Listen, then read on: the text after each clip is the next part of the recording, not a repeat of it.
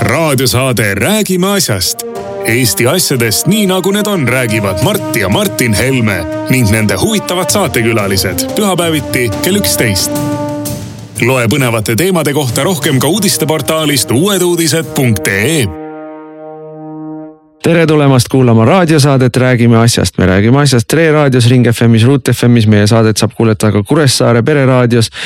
on nädala parim tund ja pühapäeva hommikul kell üksteist saab võtta kokku meie äh, konservatiivide vaatenurgast siis möödunud nädala sündmused. stuudios on nagu tavaliselt Mart Helme ja mina olen Martin Helme. me räägime täna mõnes mõttes juba vanadest teemadest, aga siin on ka olnud väikeseid arenguid me räägime sellest, kuidas Taavi Aas tuli tegema riigikogusse poliitilist avaldust, selle taustal äh, pidi ääre pealt valitsus laiali lendama. ja äh, ainus, mida me ei kuulnud, oli poliitiline avaldus, aga, aga juttu käib. mida me üldse kuulsime sealt no, muigutamist? jutt käib muidugi elektrihindadest ja siis räägime sellest, et meil on laste vaktsineerimine nüüd ikkagi käivitatud ja räägime sellest, kuidas aastavahetuseks muudeti reeglid valitsuse poolt ära kaheks päevaks ja selle juurde tunnistati, et äh, sellel ei ole mingit pistmist koroona leviku või mittelevikuga. lihtsalt äh, neid reegleid ei suudetagi jõustada. aga kui tuleb jaanuar, siis läheb samamoodi edasi ja selle taustal muidugi on meil, äh, kuidas me nüüd ütleme, kõrge profiiliga poliitiline näidis. juhtum sellest, kuidas inimene tegi ära kolmanda vaktsiinisüsti ja jäi mõni päev hiljem ikkagi koroonasse.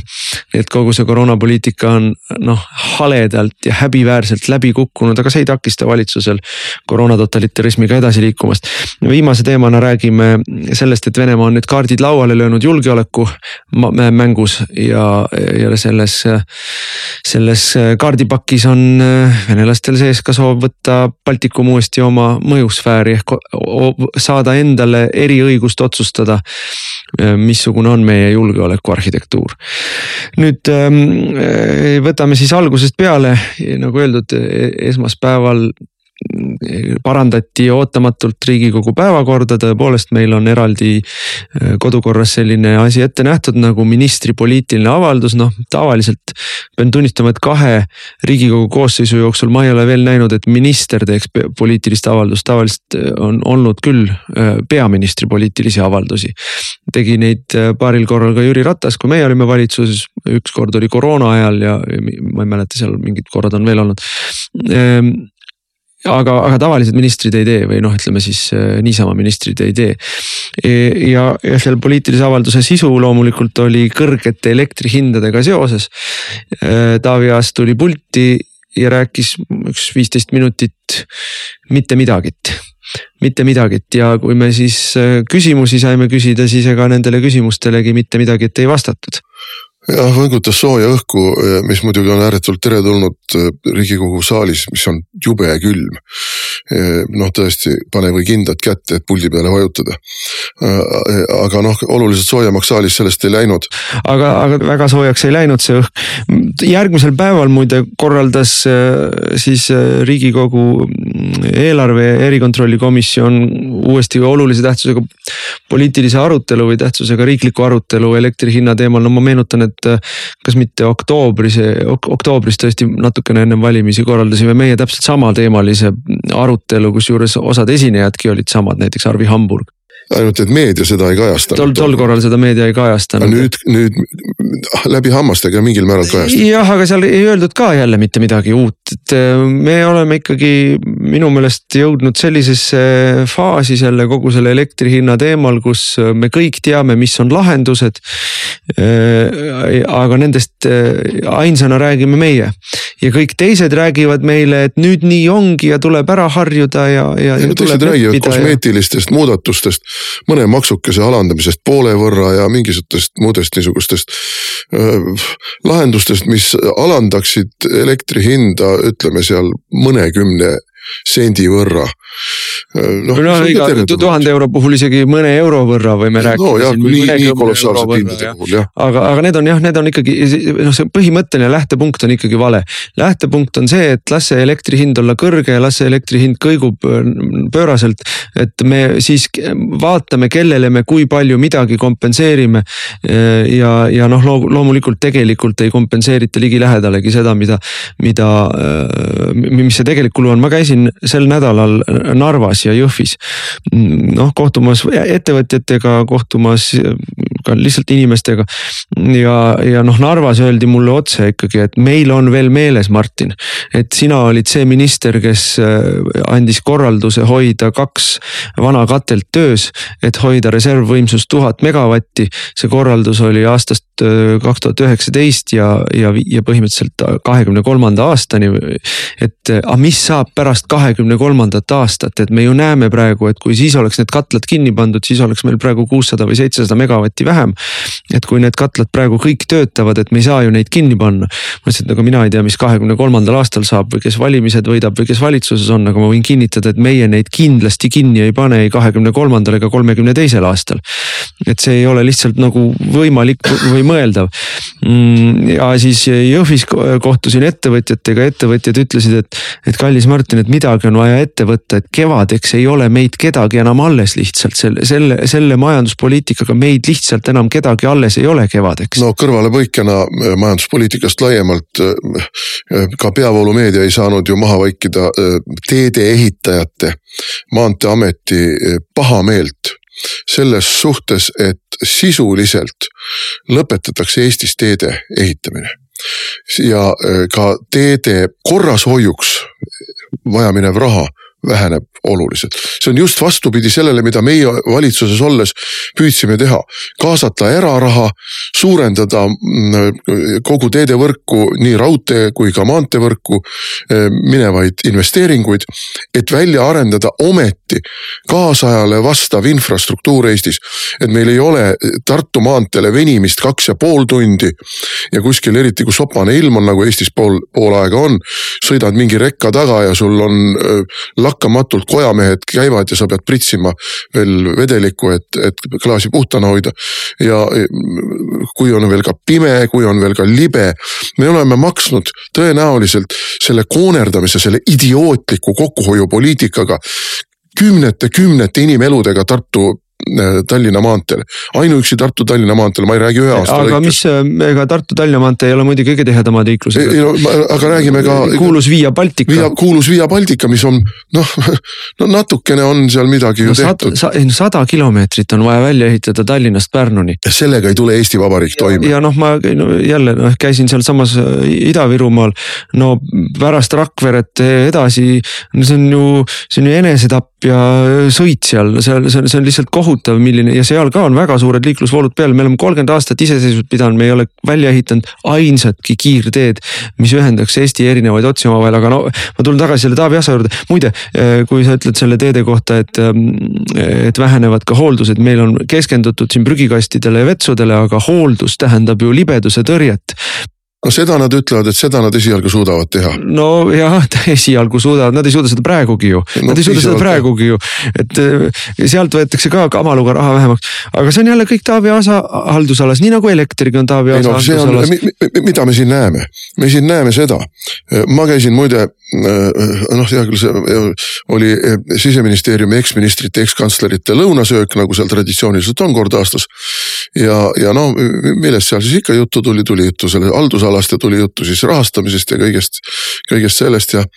ja noh, täiesti ühemõtteliselt joonistus välja skeem minister peab olema nii autoriteetne, et ta oma valduses, oma haldusalas võitleb välja rahad ja siis koos kantsleriga tulenevalt ministri erakonna poliitilistest eesmärkidest, see raha pannakse investeeringutega tööle.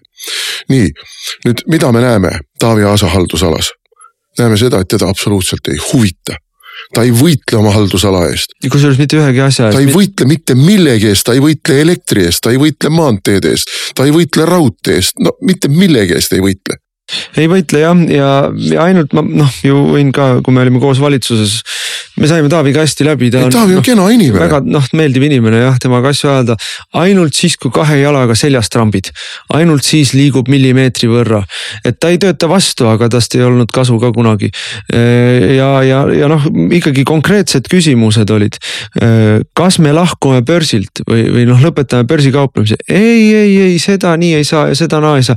kas me lõpetame ära CO CO2 süsteemis osalemise, mis on su väga suur tükk sellest elektri hinnast no,. kõige suurem. Noh, praegu on börs suurem juba, sest et noh, börs on nii pööraseks läinud.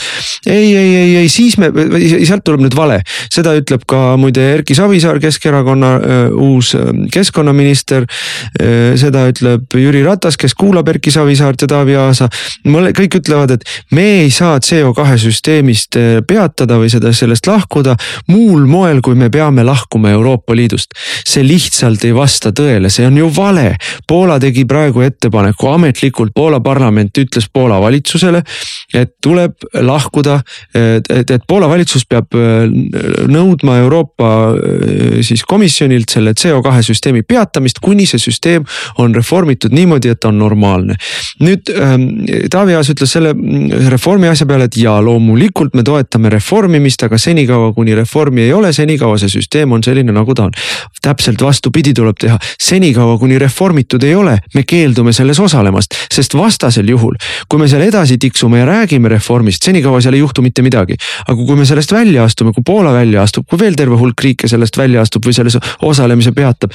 siis võib-olla hakkab komisjonis ka mõni tulukene põlema, et selle noh, siis neil ei jää midagi muud üle, nad peavad hakkama no, nuputama, kuidas seda süsteemi parandada niimoodi, et ta annaks mingitki tulemust tädi Maali ja onu Heino saavad jaanuaris kopsaka elektriarve, saavad veebruaris kopsaka elektriarve ja peale õhu võngutamise ei ole mitte midagi tehtud peale selle, et äh, räägitakse, kuidas inimesed saavad pöörduda kohalikku omavalitsusse toetust saama. ainult, et äh, ma kahjuks ei saanud kolmapäeval infotunnis osaleda, mul oli küll küsimus ette valmistatud Jaak Aabile. aga kuidas see hakkab olema? Kui suur summa riigieelarves on ette nähtud? missuguste kriteeriumite alusel, kui pika aja jooksul? seal on veel ka ju äh, räägitud sellest, et hakkame võlglaste võlgasid ajatama. okei okay,, ma saan aru, et ajatatakse üks võlg aga kui inimene ei suuda jaanuaris maksta, ei suuda veebruaris maksta, ei suuda märtsis ei, no, maksta, kui pikalt ja kuidas ajatatakse ja mis see muudab, lõpuks peab ju inimene ikka ära maksma. just nimelt, et see ajatamine ju põhimõtteliselt noh, ma olen kunagi vestlesin valijatega ka kohtumisel ka nii-öelda pensionäridega, vanemate inimestega, kes, kes rääkisid oma elust, noh, see, see, see on, ma arvan, noh, tuhandete, kümnete tuhandete inimeste reaalsus. et saavad oma pensioni kätte kahekesi, mees ja naine mõlemad olid elus ilusti veel abielus pikalt olnud, eks ole, ja saavad oma pensioni kätte, pool rahast läheb rohtude peale. jah, kõik rohud on soodustusega, aga kellel on seal vererõhurohud, kellel on seal muud kroonilised haigused, pool rahast läheb rohtude peale. siis äh, sellest poolest, mis järgi jääb, maksavad suure osa ära äh, igasugustele äh, üüridele, elektritele, asjadele ja siis jääb järele natukenegi, natukenegi toiduraha. et noh, unustame ära, et saaks, ma ei tea, iga paari aasta tagant endale osta uue, uued riided või mida iganes, et noh, see, see ei ole üldse äriplaanis sees. ja kuidas nad siis elavad, ütlevad, et noh, talvel on üürid nii suured, et mitte midagi ei saa, süüagi ei saa, no ja siis suvel on üürid ja, ja elektriarved väiksemad.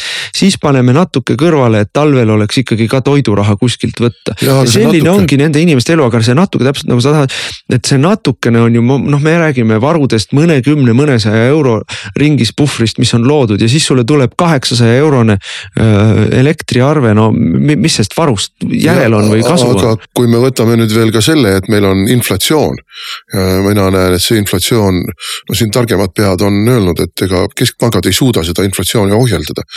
siis see nende kõrvale pandud raha, nad panevad suvel kõrvale mõnisada eurot. aga aasta lõpuks on sellest mõnisada, mõnesajast eurost noh, kümme protsenti või kuskil niimoodi juba sisuliselt ära söödud. ära kulunud no,, vähemaks see, jäänud, odavamaks. see kümme protsenti on sul isegi petli mõistlik, et kui me räägime inflatsiooni numbrist siin kaheksa-üheksa protsenti või mis meil, mis meil on öeldud siin viimase kvartalil, siis see on, siis on noh, selline kaalutud keskmine ja see on statistiline. aga tegelikult on meil nii-öelda valdkondi, noh energiavaldkond, kus inflatsioon on nelikümmend protsenti, hinnatõus on suurem, eks ole. kui, kui, kui ühekohaline number, kui me räägime toiduhindade tõusust, jälle see on suurem kui see keskmine. et noh, tegelikult on mingid asjad, mis on sul püsikulud ja mille, mis on noh, inimeste siis sihukeses pere-eelarves tegelikult väga suur tükk. on palju suurema numbriga kasvanud hinnad, nii et aga ei, ei olnud sellest Taavi Aasa jutust seal mitte mingit kasu, mis ta rääkis ja ei olnud sellest olulise tähtsusega riikliku küsimuse arutelust ka, sest et põhimõtteliselt on otsustatud ja mitte ainult valitsuses otsustatud, vaid sellega on nõus ka Isamaa ja sotsid. et äh, elektri hinna alandamine ei ole eesmärk, sellega ei tegeleta. ja noh, mina ütlen täpselt vastupidiselt kõigile teistele, elektri hinna alandamine on see, millega tuleb tegeleda. ja, ja kõikide nende nii-öelda silmamoonduseks tehtud kompensatsioonide, äh, hüvitamiste, ajatamiste, äh, soodustuste, sotsiaalabidega, noh tegelikult kustutatakse tuld, ebaefektiivselt muide kustutatakse tuld. ei kustutata tuld, tehakse propagandat no,, isegi tuld veel... ei kustutata, propagandat tehakse.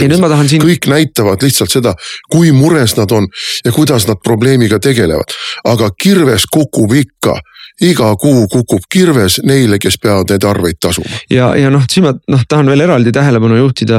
poliitikas on selline asi nagu lükatõmba, et eh, noh, kujutage pilti umbes, kui keegi tuleb sind sakutama ja kõigepealt tõmbab sind enda poole, siis sa üritad leida tasakaalu ja, ja, ja vastujõudu sellele, aga tõmbamise asemel kiiresti hoopis lükkab sind ja siis on sinu enda liigutus ja sinu enda raskus pandud sind pikali lükkama. et eh, võtan poliitikas ka lükatõmba ja nüüd selle elektri hinnaga pakutakse meile välja lükatõmbat. kõigepealt äh, tõstetakse hind tuhande euroni ja siis öeldakse, oi, me fikseerime ta viiekümne euro peal. oi, kui palju odavam, aga viiekümne eurone elektri hind ei ole odav. Äh, konkreetselt tegelikult peaks noh, ütleme Narva jaamades elektri tootmise omahind on siia-sinna kakskümmend eurot. noh, sinna otsa siis tuleb CO hind, mis on nüüd juba kaheksakümmend eurot, vahepeal juba viskas üheksakümne peale. sinna otsa tulevad maksud, sinna otsa tulevad liinitasud, eks ole. aga elektri omahind, kui me räägime siis sellest börsihinnast, mis siin õõtsub meil kahesaja, kolmesaja, nelja, neljasaja kandis tegelikult tootmishind ja see tootmishind ei ole muutunud. see on, see on sama, mis ta oli aasta tagasi, see tootmishind on kakskümmend eurot umbes. mõned, mõned ahjud on isegi soodsamad, mõned katlad ja, ja siis meile öeldakse selle klassikalise lükatõmbega, et vaadake, millise suurepärase hinnaalanduse me teile tõime. me tõime teile viiekümne eurose fikseeritud hinna, see on ju petukaup, see on ju superkasumi lukustamine vähestele elektritootjatele jutuga, et me tegime teile odavama see see on selline petukaup, et noh, ma ei tea, kuidas inimesed seda läbi ei hammusta. see on see klassikaline juudi anekdoot, et ju juut läheb rabi juurde ja ütleb, et kodus on hirmus kitsas, et näe mina ja, ja, ja viis last ja, ja lastel on koerad ja kassid ja siis rabi soovitab, et aga te võtke kits ka veel. ja siis nädala pärast tuleb tagasi, et hullemaks läks ju, aga nüüd anna kits ära tuleb nädala pärast tagasi, tõesti palju rohkem on ruumi. et noh, see no täpselt seda meile tehakse, aga korra tuleks selle poliitilise aspekti juurde ka, et noh, ega see Taavi Aasa poliitiline avaldus seal riigikogu ees äh, oli ju tegelikult kulisside taguse mängu üks osa no,. aga ma see... tahan veel enne, kui me poliitikast räägime, siiski öelda, et, et kordame üle, kordame üle selle, et meie oleme täis otsustavust ja me ei lähe valitsusse. selleni me jõuame, missugused manöövrid praegu siin valitsuse ja tulevase valitsuse ümber käivad. aga meie ei lähe valitsusse, kui me ei saa eelnevalt kokkulepet, et me saame ära teha need, need, need asjad ja elektri hind, elektri hinna alandamine on üks nendest see, et Taavi Aas tuli pulti, mm, oli siis nii-öelda kulisside taguse käteväänamise üks osa. Mm, Keskerakond ju, Keskerakonna saadikud ja Keskerakonna ministridki tunnistavad seda üsna, üsna otse erinevates vestlustes, et kui, kui nad midagi ette ei võta või kui nad midagi ei suuda ette võtta selle elektri hinnaga, muide ka gaasi hinnaga, gaasi hinnast me räägime vähem, aga need on tegelikult ju siin on noh, paralleelselt liiguvad samamoodi hinnatõusud et sellisel juhul nagu ütles üks, üks Keskerakonna saadik, ei jää meile ainsatki valijat järjele. Mis noh, mõnes mõttes on ju tõsi, et noh, eriti Keskerakonna no, valija on. rääkisid pensionäridest. no ja noh, Keskerakonna valija on kindlasti hinnatundlikum ja, ja, ja noh, ütleme siis selle ühiskondliku jõukuse alumises osas, otsas. ma arvan, et Reformierakond saab väga halva üllatuse osaliseks, õigemini täpsemalt Reformierakonna valija. kes, kellel on enesekuvand inimesest, kes on jõukas ja hästi hakkama saav ja edukas ja ma ju käin tööl ja ma olen haritud ja mul on kõik hästi. ja ma olen avatud, et ka need inimesed saavad reaalsuskontrolli käigus teada, et tegelikult nende poolt toetatud erakond ei, ei, ei tööta nende kasuks. aga noh, Keskerakonnas on see probleem noh kohale jõudnud, Reformierakonnas minu meelest veel mitte ja. natuke läheb aega jah. jah, et nad peavad midagi ette võtma, see selgus neil on, noh, Reformierakond blokeerib kõike ja ma ei tea, kas nad blokeerivad ideoloogilisest krambist eelarve tasakaalu, noh, et siin tuleb nagu aru saada. ainuüksi noh, ma, ma siin suhteliselt ütleme, ütleme niimoodi kirvega arvutades ütleksin, et ainuüksi sellest hinnatõusust käibemaksu laekumine peaks olema suurem kuskil kolmsada, võib-olla isegi veel rohkem kui kolmsada miljonit eurot. Lisaks sellele CO kvoodi müü-, müümisest saadav otsene kasu riigieelarvesse, ma arvan, kuskil paarsada miljonit eurot ülelaekumist. lisaks sellele siis Eleringi ja Eesti Energia dividendid. no mõlemal ma pakun, no ütleme nüüd Taavi Aas teatas, et ta Eleringist dividendi ei võta, aga ma ei ole kind-, ma ei ole kindel, et see meid tegelikult aitab, see, see on ka niisugune silmamoondus. et kui sa, kui, kui me, kui me praegu näeme, mismoodi need kaks firmat teenivad metsikut raha, siis selle nii-öelda dividendi väljavõtmise mm, puhul tekib mul küsimus, aga kuhu see raha siis jääb, et see ju elektri hinda ei alanda tegelikult. et noh, sealt tuleb veel mingisugune sada või, või, või sada viiskümmend, võib-olla kakssada miljonit dividendi riigieelarves, me räägime siin. me, me läheneme miljardile lisarahast riigieelarvesse järgmisel e-, aastal, mis on puhtalt tingitud kõrgest elektri hinnast. me räägime miljardist eurost või no võib-olla kuuesajast, seitsmesajast miljonist eurost. mis Eesti ettevõtete ja inimeste taskust ära võetakse ja pannakse riigieelarvesse. loomulikult Keit Pentus-Rosimannus ja Kaja Kallas püherdavad rõõmust eelarve tasakaalu pärast. püherdavad rõõmust, nad, nad, nad on rõõmurõngas, nad ei suuda ära uskuda oma silmasid. et, et, et selline raha voolab riigieelarvesse, aga see ju voolab inimeste ja ettevõtete arvelt. ja ja, noh, ja, ja, ja kui me räägime nendest skeemidest, mida pakuvad välja siin keskerakondlased ja isamaalased, me, nemad räägivad siin mingisugusest sajast, mõnesajast miljonist nii-öelda tagasiandmisest inimestele siis erinevate toetuste ja, ja abi, abi, abiskeemide kaudu. ja, ja, ja see on noh, ütleme kolm korda väiksem summa kui see, mis plussi jääb riigile. nii et noh, see on noh, noh inimesed kes nõutult küsivad, et kuidas nad siis midagi ette ei saa võtta elektri hinna vastu, saavad küll, aga ei taha, on vastus, saavad küll, aga ei taha. no aga Keskerakond tahab vähemalt jätta muljet, et ta midagi teeb ja Reformierakond ei taha isegi seda muljet jätta ja selle tõttu oli valitsus tõepoolest siin lõhki minemas ja lõhki minemas muidugi noh, seal on taust taga. Mm, eh, nad on niikuinii omavahel nugade peal siin erinevatel teistel põhjustel. Mm, ja, ja ainus põhjus, miks nad ei ole lõhki läinud, on see, et nad ei ole veel välja mõelnud, et eh, kellega siis edasi sõita kellega edasi teha. Eh, ja, ja tuleb muidugi ütelda, et jah, nii, nii üks kui teine tänane koalitsiooniga erakond on, on noh, väga konkreetselt käinud maad kuulamas meie juures, et mis meie teeksime, kui tänane valitsus laguneb noh jah, ma siin ei ava neid vestlusi, sellepärast et ega neid üle jah eetri ei peeta, aga. aga noh, see näitab kahte asja minu meelest, see näitab seda, et neil on seis jube hapu. ja nad on lõhki minemas tegelikult ka ja, ja see teiseks näitab muidugi ka seda, et noh, usaldust omavahel lihtsalt ei ole no.. me oleme neid variante siin ju enne ka rääkinud, mis need variandid on ja loomulikult on võimalik teha tagasi vana koalitsioon aga ma ei näe tulukest äh, isamaalaste silmis. Äh, me oleme nendega sel teemal erinevate esindajatega rääkinud. me ei näe tulukest silmis ja ma arvan, et me ei näe tulukest silmis sellepärast, et nad pigem ootavad paremat pakkumist paremat pakkumist, nad on ju väljapressijad. Kaja Kallaselt, et minna koos sotsidega. kelle silmis me näeme tulukest? Kelle silmis me näeme tulukast, sotsid on, on, on väga õnnelikud ja, ja äh, usuvad ja loodavad, et äh, järgmine koalitsioon on nende osalusel. no sotsidel on teine asi veel, vaata sotsid on ikkagi Tallinna partei, noh, ega nendel väljaspool Tallinnat eriti valijaid ei ole. välja arvatud juhul, kui nad peidavad oma inimesi valimisliitudesse kuskil Võrus või, või Saaremaal, aga või, või, või Järvamaal, aga kui, kui noh, üleüldiselt hinnata, kes või mis on sotsid, siis sotsid on, eks ole, Telliskivi seltsi latte limpsijad. ja, ja nad on Tallinnas võimukoalitsioonis, nad noh, nad on jälle noh, nad on lihtsalt nagu nii iseendaga nii rahul, et seda, seda lihtsalt õhkub neist. ja aga mis siis teine variant? meie oleme väga selgelt öelnud, et Jüri Ratase valitsusse meie ei lähe Jüri Ratase juhitud Jüri valitsusse. Ratase juhitavasse valitsusse meie ei lähe. ja, ja siin tuleb hästi lihtsalt välja öelda, küsimus ei ole väikluses või kättemaksuhimus või, või ma ei tea, millegi väljaelamises, et, et, et Ratas kukutas meie valitsuse. see, see ei puutu üldse asjasse, ilma emotsioonideta, poliitikas ei võeta asju isiklikult, mina kindlasti mitte. vaid küsimus on selles, et kas see, mis on meile sellest kasu erakonna mõttes, valimistulemuse mõttes, Eesti tuleviku mõttes, mida, millele me tahame noh, võimalikult kaaluka sõnaga kaasa rääkida järgmiste valimiste järel eriti veel. et mis see meie kasu on, kui me läheme tagasi valitsusse, mida juhib Jüri Ratas, ma ei näe seda kasu. ma ei näe seda kasu meile, ma näen erinevaid miinuseid või kahjusid, aga ma ei näe seda kasu. ja, ja noh, need kalkulatsioone noh, tuleb rahulikult külma kõhuga teha.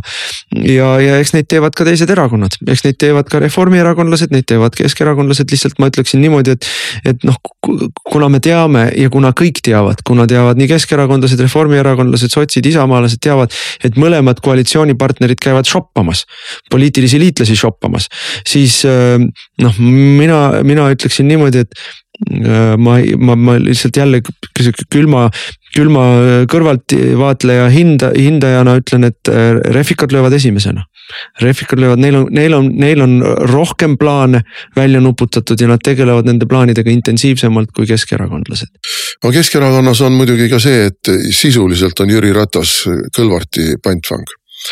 ja ma olen seda näinud nüüd nii Tallinna volikogus aga ma nägin väga selgelt ka seda, kui enesekindel, kui enesega rahulolev on Mihhail Kõlvart kui meil on olnud siin erinevad mingid ümarlauad ja, ja äh, debatid ja asjad. ja, ta saab väga hästi aru et kaheksakümmend protsenti Keskerakonna valijatest on tema selja taga, tema selja taga, need on venelased, need on Tallinna venelased.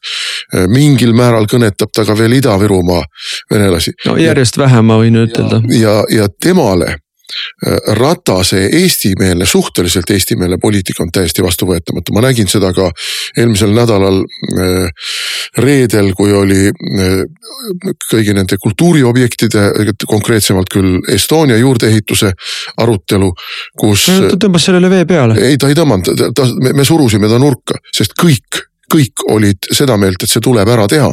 ja kõik need tema argumendid muinsuskaitsest ja, ja pargi looduskaitse all olemisest ja, ja detailplaneeringutest ja no need tehti tegelikult pihukese. aga ta tuli pärast seda ikkagi ruumist välja ja teatas, et lähima nelja aasta jooksul ei ole realistlik sellega üldse edasi liikuda. ja, aga Sest, seda no., seda väga lihtsal põhjusel, et ei ole praegu äh, rahasid sellele asjale peale pandud, aga mina ütlesin selle kohta, kui mulle esitati küsimus, et kuidas selle rahastamisega on, see on puhas poliitiline otsus. kui Eesti Vabariigi valitsus otsustab, et tema ostab nii nagu Soome ostis kümne miljardi eest, aga meie ostame miljardi eest mingit sõjatehnikat siis see raha leitakse. kui meie otsustame, et me paneme sada miljonit või kolmsada miljonit ooperiteatri ehitamise peale, siis see raha leitakse selles ei ole üldse küsimust ja ma ütlesin ka seda eh, seal välja ja see oli muide ka Postimees tõi selle, tõi selle oma vähemalt veebiväljaandes eh, tsitaadina välja. et Kõlvartil ei ole moraalset õigust vetostada ooperiteatri ehitamist. rahvusooperi. rahvusooperi ehitamist. Kõlvartil ei ole moraalset õigust selleks ja kui tema omavalitsusjuhina arvab, et temal on õigus vetostada eh, riigikogu, mis on esindusdemokraatia tingimustes sisuliselt kõige kõrgem võimukandja Eestis. riigikogu otsuseid, no siis tuleb hakata vaatama, mida sellise omavalitsusjuhiga ette võtta nojah, aga ta nagu sa ise ütlesid, tunneb ennast täiesti karistamatult, see on minu meelest muidugi noh, ülimalt sümptomaatiline, et võib täna seda ei jõua rääkida väga, aga. aga see, see, et Tallinnas on täiesti venekeelne ja täiesti venemeelne linnavalitsus, sotside osalusel rõhutan. ja et see venekeelne ja venemeelne linnavalitsus sisuliselt blokeerib täna rahvusooperi edasiarendamist. see on tegelikult ausalt öeldes ikka jube skandaal. kas me eelmises saates mainisime, et Kõlvart tahab ju valgekaartlastele ausammast püstitada? Väidab, et eestlased äh, ajasid valgekaartlased koonduslaagrisse, kus nad massiliselt äh, Eesti võimude tegevusetuse tõttu surid. aga no me ei saanud volikogus sel teemal vaidlema hakata. aga ta loomulikult äh, jätab mainimata selle, et nad koondati sinna sellepärast, et nad marodööritsesid, nad ei allunud Eesti võimude ega Eesti sõjaväevõimude korraldustele.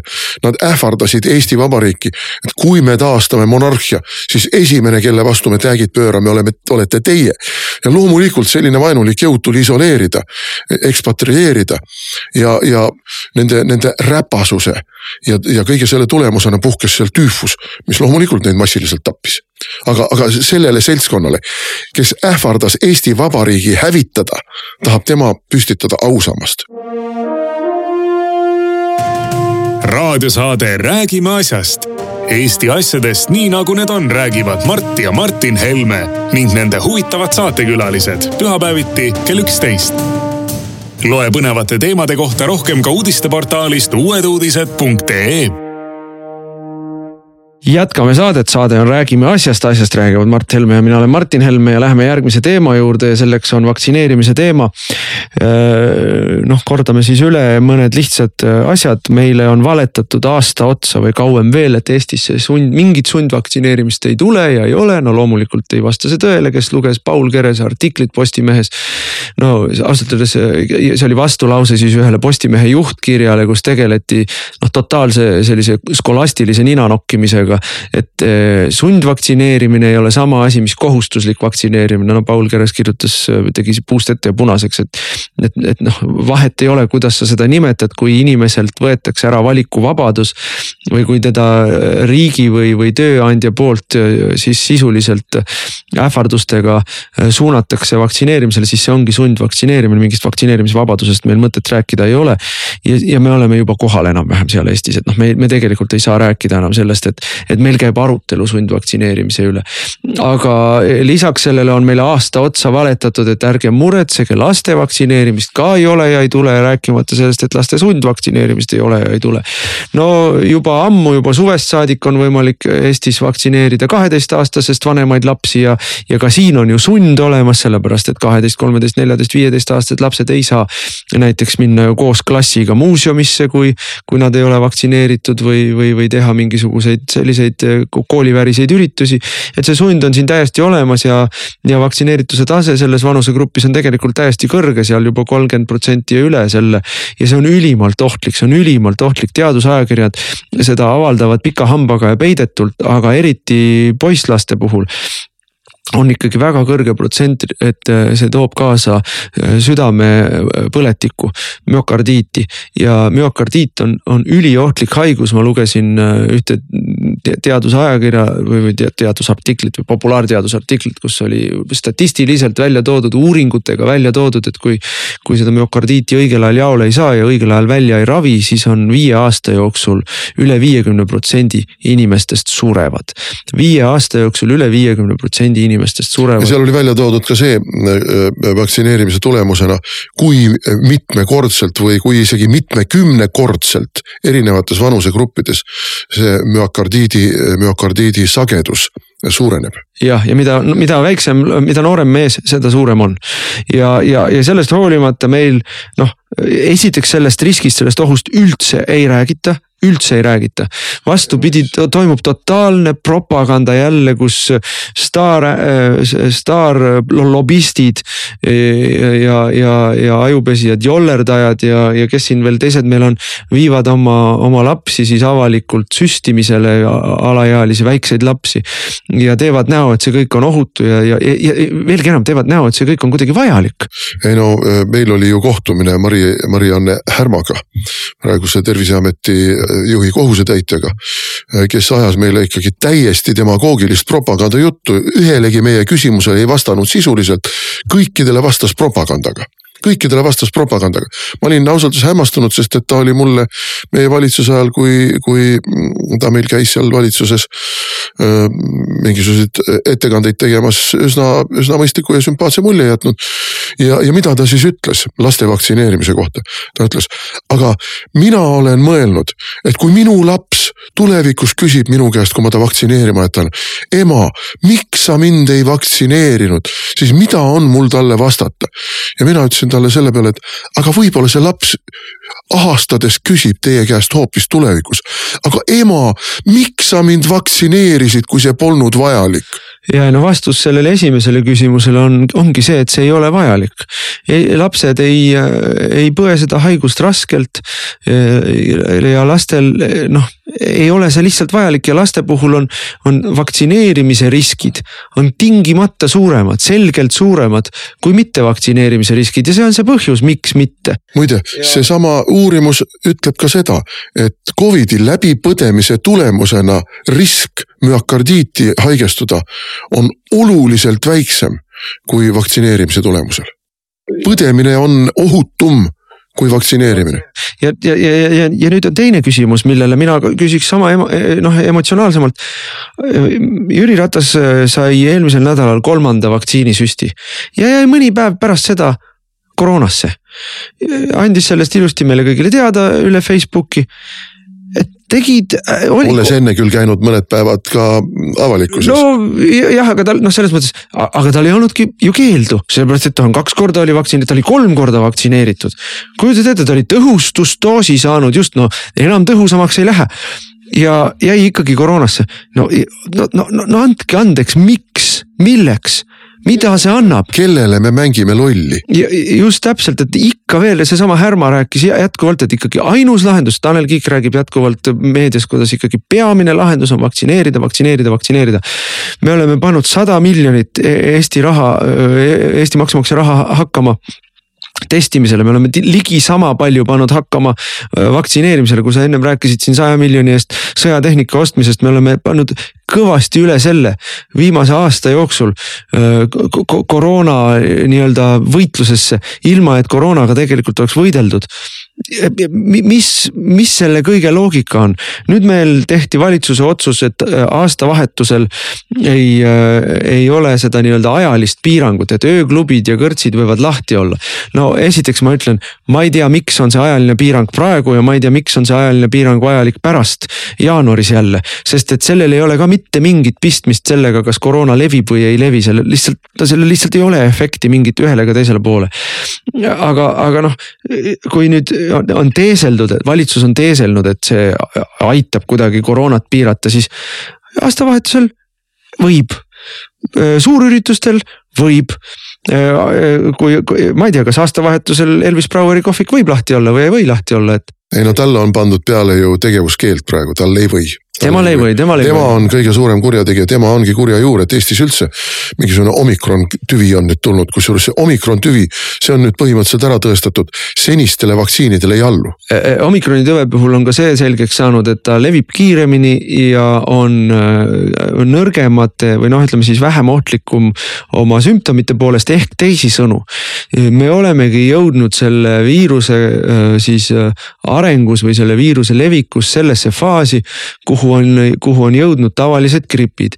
ehk nad levivad, inimesed põevad neid läbi, kellel on mingisugune tõsisem tervisemure ennem või mingid kaasnevad haigused, mis tekitavad selle noh, haigusega koos komplikatsioone, nendele ta on ohtlik. noh, me räägime ikkagi vanematest inimestest peamiselt. Äh, aga ka mitte eluohtlik ja, ja ülejäänud inimesed lihtsalt põevad läbi, et noh, raporteerida meile hommikust õhtuni mingisuguseid levimusi ja, ja sellest, kui palju on sel nädalal nakatunu või sellel nädalal keskmine nakatumine.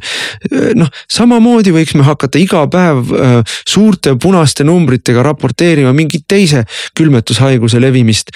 ja, ja, ja, ja sellele ettekäändel hakata ühiskondades mingisuguseid drakoonilisi meetmeid rakendama, inimeste õigusi, vabadusi äh, piirama, neile mingisuguseid sundravisid kohaldama. aga toome veel ühe iroonilise näite, see kogu selle senise propaganda valelikkusest ja läbikukkumisest. Äh, kui teine laine oli ja kui see vaktsineerimine oli siin kuum teema ja sellega valitsus kuidagi hakkama ei saanud. ja inimesed hakkasid tõrkuma tasapisi. siis ju räägiti meile, kuidas me ju tahame olla nagu Põhjamaad. me ju tahame, et me oleksime avatud nagu Põhjamaad. toodi meile Taanit, palun, Taani on kaheksakümmend protsenti vaktsineeritud, täisvaktsineeritud riik ma ei oska öelda, kui palju protsente on ka selle tõhustusdoosi saanud. Taani on üks kõrgemate nakatumismääraga riike tänasel päeval Euroopas üldse. täpselt samuti Soomes läheb püstloodis üles. Iirimaa on teine näide, Holland on kolmas näide, kus. Iisrael, palun väga, kõik need mustervaktsineerijad, kus pandi kohustus peale. noh, mul on siin ju Iisraelist sõpru, kes, kes ka noh, kõik neil oli kinni pandud ja kõik vaktsineeriti ja kontrolliti ja no Iisraeli riik on väga tõhus riik Äh, seal ikka inimesed ei laperda niisama.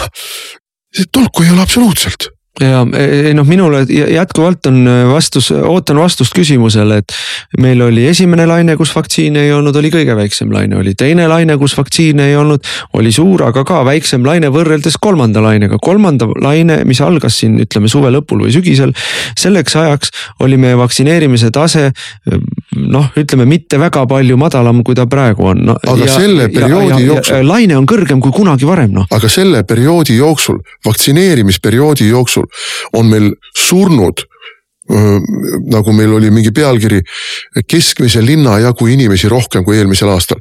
mis me siit nüüd järeldame? me järeldame siit seda, et vaktsineerimine on aidanud kaasa mingite teiste haiguste aktiveerumisele mis on lõppenud paljudel puhkudel fataalselt. no igal juhul ei ole ta aidanud äh, vähendada levikut ja ei ole vähendanud surmasid, noh. ükskõik, kas need surmad on koroonaga või koroona tõttu, äh, ta ei ole vähendanud surmasid, nii et noh, taguda meile selle panniga iga päev vastu pead on äh, noh, aitab juba, aitab, aitab. ei no meie ka algul uskusime vaktsiinidesse, ma mäletan, me tegime siin poolteist aastat tagasi saateid, kus me rääkisime seda, kuidas noh, loodame, et vaktsiinid tulevad ja me saame sellest haigusest jagu. vaktsiinid tulid tulid, me ei olnud vaktsineerimise vastu, sest me uskusime ja lootsime, et nad aitavad. aga nüüd me võime öelda kogemuslikult, statistiliselt, et nad ei ole aidanud. see on triljonitesse ulatuv äri, millele nüüd keevitatakse otsa veel teine triljonitesse ulatuv äri. see on ravimid, koroonavastased ravimid kuivõrd need aitavad, ka ei tea. no meil on olemas ravim, mida, mida nimetada ei tohi. mida nimetada, mida ei, nimetada tohi, ei tohi, eks ole, kohe oled veel rohkem lamemaalane, enam lamedamaks maa ei lähe, kui sa Ivermectinist rääkima hakkad. aga nüüd tulevad Merkilt ja kust kõigilt tulevad juurde uued ravimid, millele samamoodi nagu vaktsiinidele antakse kiirkorras ja erakorraline kasutusluba, mille hind on kümneid korda kallim, kui mitte sadu korda kallim võrreldes selle Ivermectiniga ja mille tõhusus vähemalt äh, siis laboriuuringutes on väiksem. nii et noh, see, see, see, mis toimub, on see on pöörane, mis toimub ja, ja, ja noh, me oleme seda siin mitmel puhul äh, analüüsinud ja no mina olen ka täpselt nagu sa ütlesid. Äh, ka lootsin selle vaktsiini peale, tegin, tegin endale ära, noh pekstes, äh, ähvardades ka ei lähe ma seda kolmandat doosi tegema. ükskõik kui lühikeseks mul tõmmatakse selle vaktsiinipassi kehtivus või mida mulle Tanel Kiik ütleb, ma lihtsalt ei lähe.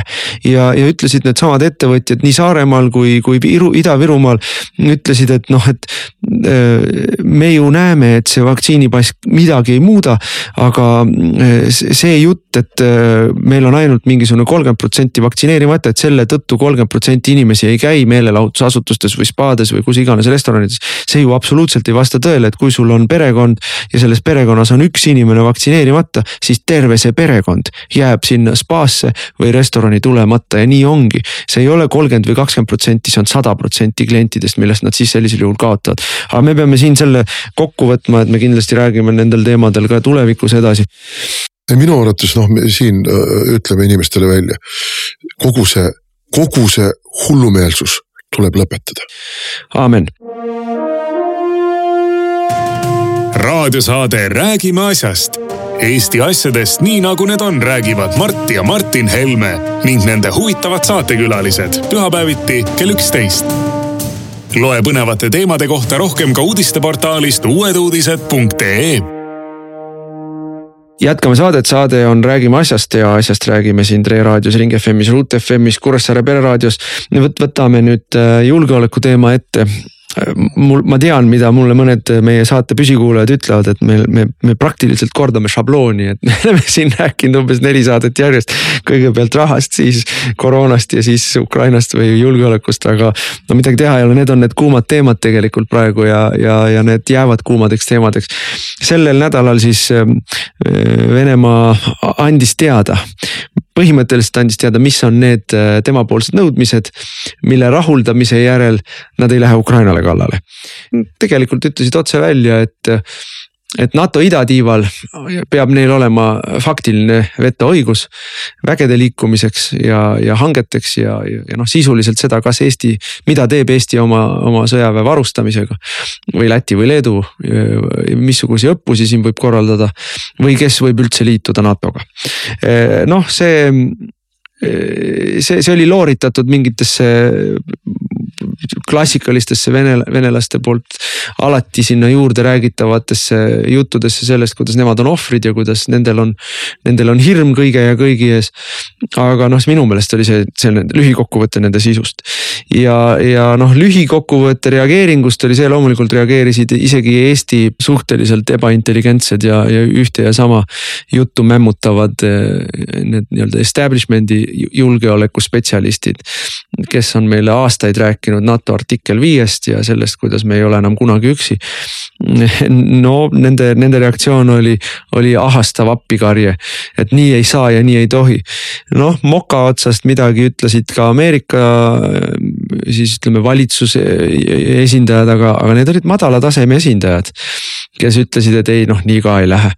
eurooplastelt ma ei ole midagi kuulnud no Biden siiski on nüüd öelnud, et äh, äh, Moskvaga läbirääkimisi ei peeta ilma, et äh,, ilma, et nende nii-öelda rinderiikide valitsusi ei hoita kursis asjaga, noh sisuliselt, mis see tähendab, sisuliselt tähendab see seda, et meie teeme kokkulepped ära ja siis anname teile teada, et me leppisime niimoodi kokku et aga teid me ei kaasa sinna, teie laua taga ei ole, aga meil on kogu aeg ju käinud see jutt, kuidas me oleme laua taga me oleme NATO-s laua taga, me oleme Euroopa Liidus laua taga, me oleme ÜRO-s koguni näed, olime peaaegu et juhtisime ÜRO-d siin äh, viimasel perioodil. et me oleme nii kõvad tegijad, et noh, terve maailm keerlebki meie ümber ainult. ainult et noh, vot nüüd on paljastunud see, et, et äh, ei ole, terve maailm ei ole mitte meie ümber keeranud, ei olegi see nagu keskajal arvati, et kõik päikesed ja, ja, ja kuud tiirlevad ümber maa, vaid tuleb vastupidi, et kuu küll tiirleb ümber maa, aga päike, päikese ümber tiirleb ikkagi kogu muu planeetide süsteem. et me oleme teiste armu peal ja see sisuliselt öeldi praegu jõhkralt välja no venelased, äh, mind noh, on ju seda tahtnud alati. ja ma lugesin Marko Mihkelsonilt mingit pealkirja, ma ei viitsinud juttu lugeda, see ei ole, see see ei paku mulle huvi. see, see esiteks ei ole siiras, teiseks see ei ole intelligentne. aga äh, noh, ta ütles nüüd seda, mida me ütlesime augustis siis kui me rääkisime Afganistanist, et Venemaa eesmärk on NATO hävitamine või noh, ütleme siis NATO tõestamine, et NATO tegelikult ei toimi no ära sa märgi, Sherlock. see tõesti on, on nende eesmärk olnud juba, ma ei tea, vähemalt alates sellest ajast, kui Nõukogude Liit kokku varises, eks ole. sellest ajast peale, kui neil ei õnnestunud NATO laienemist, ITA laienemist takistada, on see nende eesmärk olnud. ja ega nad ei ole seda väga varjanud ka. ja noh, nüüd nad on selle välja käinud, ega ma meenutan aega rohkem kui kakskümmend aastat tagasi, kui ma Moskvas olin ja kui, kui seal ütles üks Moskva välispoliitika kõrge asjapulk mulle väga selgelt, et praegu on nii, nagu on. praegu on poliitiline kokkulepe, geopoliitiline kokkulepe selline, et te olete läänes. aga muutub kokkulepe ja muutub ka teie seisukord. no mina kusjuures näen siin veel ikkagi venelased on äh, selles mõttes ju meisterläbirääkijad, meistermaletajad, et vaatan seda, mida nad nüüd lauale panid, nad panid ju lauale tegelikult võimatu nõudmise. Võimatu nõudmise, kui NATO tõepoolest, kui USA, Biden tõepoolest annab venelastele kasvõi tingimusliku kaasarääkimisõiguse NATO siseasjadesse. ja noh, ütleme siis Eesti või Poola või, või, või, või, või Leedu või ma ei tea, Taani julgeoleku, julgeolekupoliitikasse siis on ju venelased põhimõtteliselt saanud ka oma tahtmise ja nad ongi sisuliselt saanud vetoõiguse NATO asjade üle.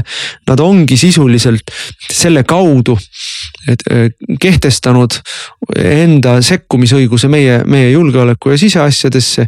ja, ja nad ongi saavutanud selle, et NATO tegelikult ei tööta, see, mida meie läksime NATO-lt saama kaitset venelaste sekkumise vastu enda asjadesse, on sellisel juhul lakanud toimimast. kui nüüd, kui nüüd, kui nüüd tõesti, kui ameeriklased, suured lääneriigid sellele järele annavad, siis ongi NATO lakanud toimimast. nüüd, kui nad selle tagasi lükkavad, kas ilusamate sõnadega või otsesemalt, siis on nad andnud venelastele põhimõttelise ettekäände kaasusbelliks Ukrainas ja, ja, ja ongi kahvel ja ongi läbi jälle, noh lääneriigid on jälle kõik maha maganud ja lasknud ennast nurka värvida. ei no ma ütlen, mis nüüd toimuma hakkab, eks äh, praegu on, on lääneriigid seisukorras, kus nad ei saa teha muud kui venelastele järele, nad ei saa teha mitte midagi muud kui ainult järeleandmisi. mis need järeleandmised on ja ega seda afišeerima ei hakata. afišeeritakse seda, kuidas lükati tagasi ja, ja nii ja naa ja venelased äh, kiristavad hambaid ja võib-olla, võib-olla teevad ka mingisuguseid äh, väikseid jõuvõtteid kusagil. aga võivad teha seda ka mitte üldse Ukrainas, vaid kusagil kolmandas kohas. Äh, näiteks Gruusias puhkeb Abhaasia ja Gruusia piirialadel mingisugune madin. ja, ja venelased hoopiski teevad seal midagi täiesti ootamatult kõigile, sest väekontingent on neil seal olemas. relvastus on neil seal olemas, proksi võitlejad on neil seal olemas, need Abhaasia kõrilõikajad hea meelega lähevad ja lõikavad natukene kellelgi seal päid maha et ka, ka seal võivad näidata, et te ei olnud nõus, okei okay,, vaadake, mis juhtuma hakkab. aga mis on selle pikema perspektiivi äh, tulemus meile konkreetselt on see, et me näeme ühel hetkel, kuidas siit lähevad ära praegu siin alaliselt dislotseeruvad britid prantslased ja ühel päeval öeldakse ka, et, et majanduslik olukord on niisugune, et õhuturbe, turbemissioonid peavad praegu ajutiselt peatuma. ja, ja noh, et teil on olnud kakskümmend aastat aega seda ise teha ja nüüd on niimoodi, et noh, kaua me ikka teie eest oleme ja muide, sellega seoses ma noh, ikkagi rõhu jälle juhin tähelepanu sellele, et ähm, juba praegu meie noh, nii poliitiline juhtkond kui kaitseväe juhtkond ju äh, teeb seda, mida lääneriigid riigid eh, meilt ootavad või nõuavad.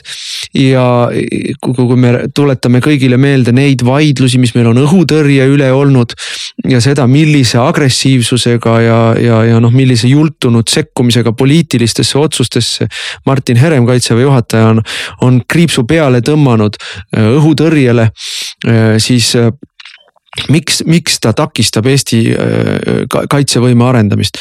väga lihtsal põhjusel, sest natuke aega tagasi sai ta Prantsusmaalt kõrge auleegioni ordeni. et noh, kõik, kes natukenegi aru saavad, mismoodi maailm töötab, saavad aru, et prantslased on meile öelnud, ärge tehke oma õhutõrjet, sest kui teil on oma õhutõrje, siis te sunnikud äkki hakkate, on teil julgust hakata vastu Venemaale olukorras, kus meile see ei sobi. ei no siis me ei ole nende armu peal ju, siis ei ole ju seda šantaaži enam võimalik, et kui te seda ei tee, siis me. siis me võtame oma lennukid ära, eks ole, kui te homo, homopropagandat ja abielusid ei luba, siis Ämaris enam NATO lennukid ei lenda, nagu meile Ilves ütles aga kui meil on oma lennukid, siis äh, ausalt öeldes jätke endale oma homopropaganda ja homo. see on ka kogu selle senise kaitsepoliitika, mille üks filosoofe ja äh, ellurakendajaid on olnud muide Jüri Luik, isamaalane. Äh, et meil ei ole vaja teha üleliigseid pingutusi oma iseseisva kaitsevõime arendamisel, sest me oleme NATO-s ja meil on paragrahv viis ja me üksi iseseisvalt niikuinii vastupanu ei suuda osutada, mis oleks tõsine vastupanu. me peame arvestama ainult liitlaste põhijõududega, liitlaste siia tulekuga, liitlastele võimaluste loomisega siia tulekuks see on täielikult läbi kukkunud praegu, see on no, fiasko. absoluutselt noh, ja, ja, ja noh, mida on tehtud kakskümmend aastat, kakskümmend viis aastat on takistatud iseseisva kaitse, kaitsevõime loomist. sellesama Jüri Luige juhtimisel. no kogu selle Kamarilja ja, ja kogu see Kamarilja, kes on meile rääkinud, äh, kuidas meil on NATO, eks ole, tegelikult ei ole töötanud mitte Eesti hüvanguks. vaid kellegi teise hüvanguks ja ma ei ütle, et venelaste hüvanguks. aga, aga nende riikide hüvanguks, kellele on vaja hoida kangi meie üle, kas, et kui me, kui nad käsu annavad nii nagu mulle ütles Kersti Kaljulaid ühel meie kohtumisel, kui ta president, kui vaja on, siis põleme heleda leegiga. aga kui vaja ei ole, siis öeldakse meile, oi, meil ei ole laskemoona, meil ei ole õhutõrjet, meil ei ole rannakaitset, meil ei ole tanke. nüüd küll ei saa vastu hakata jah, tähelepanuväärne on muidugi see, et selles olukorras Jüri Luik, kes on meie esindaja NATO juures praegu on absoluutselt vait olnud. ma ei ole ühtegi tema kommentaari kuulnud nende üle meie kõikide peade käivate läbirääkimiste osas, kuhu meid absoluutselt ei kaasata.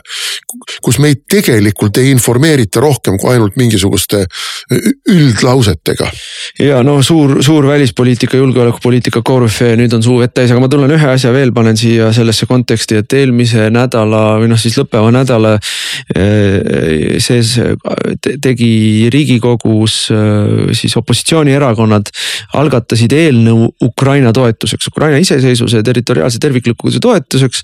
meie fraktsioon pani sinna ka äh, äh, siis allkirjad alla, Isamaa fraktsioon pani sinna allkirjad alla ja, ja isegi sotsid, isegi sotsid, kes ei pannud sinna allkirja alla, on reformierakondlased ja keskerakondlased, nemad leiavad, et Ukraina iseseisvust ja Ukraina territoriaalset terviklikkust ei ole vaja riigikogu poolt kuidagi toetada. Ja, ja, ja noh, ma tuletan meelde seda, kuidas Eesti ajakirjandus kraaksus, kui, äh, kui toimusid eelmisel aastal, kahekümnendal aastal Valgevene presidendivalimised ja. ja, ja, ja kõik needsamad spetsialistid, välispoliitika ja julgeolekupoliitika spetsialistid ja ajakirjanikud. noh, mõistsid hukka Valgevene režiimi ja, ja, ja, ja, ja nõudsid meilt, et me ka rohkem sel teemal sõna võtaksid. no võtsime, võtsime ja rohkem ei olnud vaja, kui öelda, et Lukašenko on kõrilõikaja ja seal ei ole demokraatiat aga nüüd kui Keskerakond ja, ja Reformierakond ei suuda isegi riigikogu poliitilisele deklaratsioonile allkirju panna, et üle rõhutada Ukraina iseseisvuse ja Ukraina suveräänsuse territoriaalse tervikuse. ei ole probleeme, ei näe keegi siin mingit muret. ei no ja kuidas on nad meile siin peale hüpanud sellega, kuidas Le Pen tunnustab äh, Ukrainat Venemaa mõjusfäärina ja EKRE teeb Le Peniga koostööd. EKRE ka tunnustab Ukrainat Venemaa mõjusfäärina, no vot äh, ei ole, teie tunnustate, sest teie deklaratsioonile oma allkirju ei andnud. jah, noh sellest noh Le Peni asjast me oleme niikuinii rääkinud, see on noh ütleme pool on libauudised ja pool on äh, noh, noh arusaamatus või, või noh, teadlik mittehuvitumine sellest, mis asi on äh, siis lääne-eurooplaste välispoliitika ja julgeolekupoliitika nagu huvisfäär, et see ettekujutus. Et see, see, see provintslik eneseimetlus ettekujutus, et kõik teised maailma riigid peavad kogu aeg mõtlema selle peale, mis, mis, mis on Eesti huvi ja kuidas see Eesti huvi välja näeb. või, või ettekujutus sellest, kuidas nemad peavad äh, Eesti huvides tegutsema. ja samal ajal suutmatus vähimalgi määral aru saada mis on teiste riikide huvid äh, või teiste riikide ettekujutus julgeolek, noh, see on, see on noh, see on see on piiratud täielik kolkalik mõtteviis segatuna noh, sellisest jumala kompleksist. seda on lihtsalt vastik vaadata, aga, aga jah, minu meelest on jälle nagu maskid paljastunud selle Ukraina avaldusega seoses, seoses ka, no eks näis, kuidas hääletamisel läheb, see tuleb alles järgmise aasta alguses Riigikogu suurde saali. võib-olla nad äh, mõtlevad veel ümber. see jääb siis meie selle aasta viimaseks saateks, järgmine saade on juba aasta esimestel päevadel uuel, uuel aastal, kus me teeme siis kokkuvõtteid eh, möödunud aastast aastast ja vaatame tulevikku. ilusaid jõulupühi. Te kuulasite raadiosaadet Räägime asjast. saate eest tasus Eesti Konservatiivne Rahvaerakond. järelkuulamine internetis treeraadio.ee ja uueduudised.ee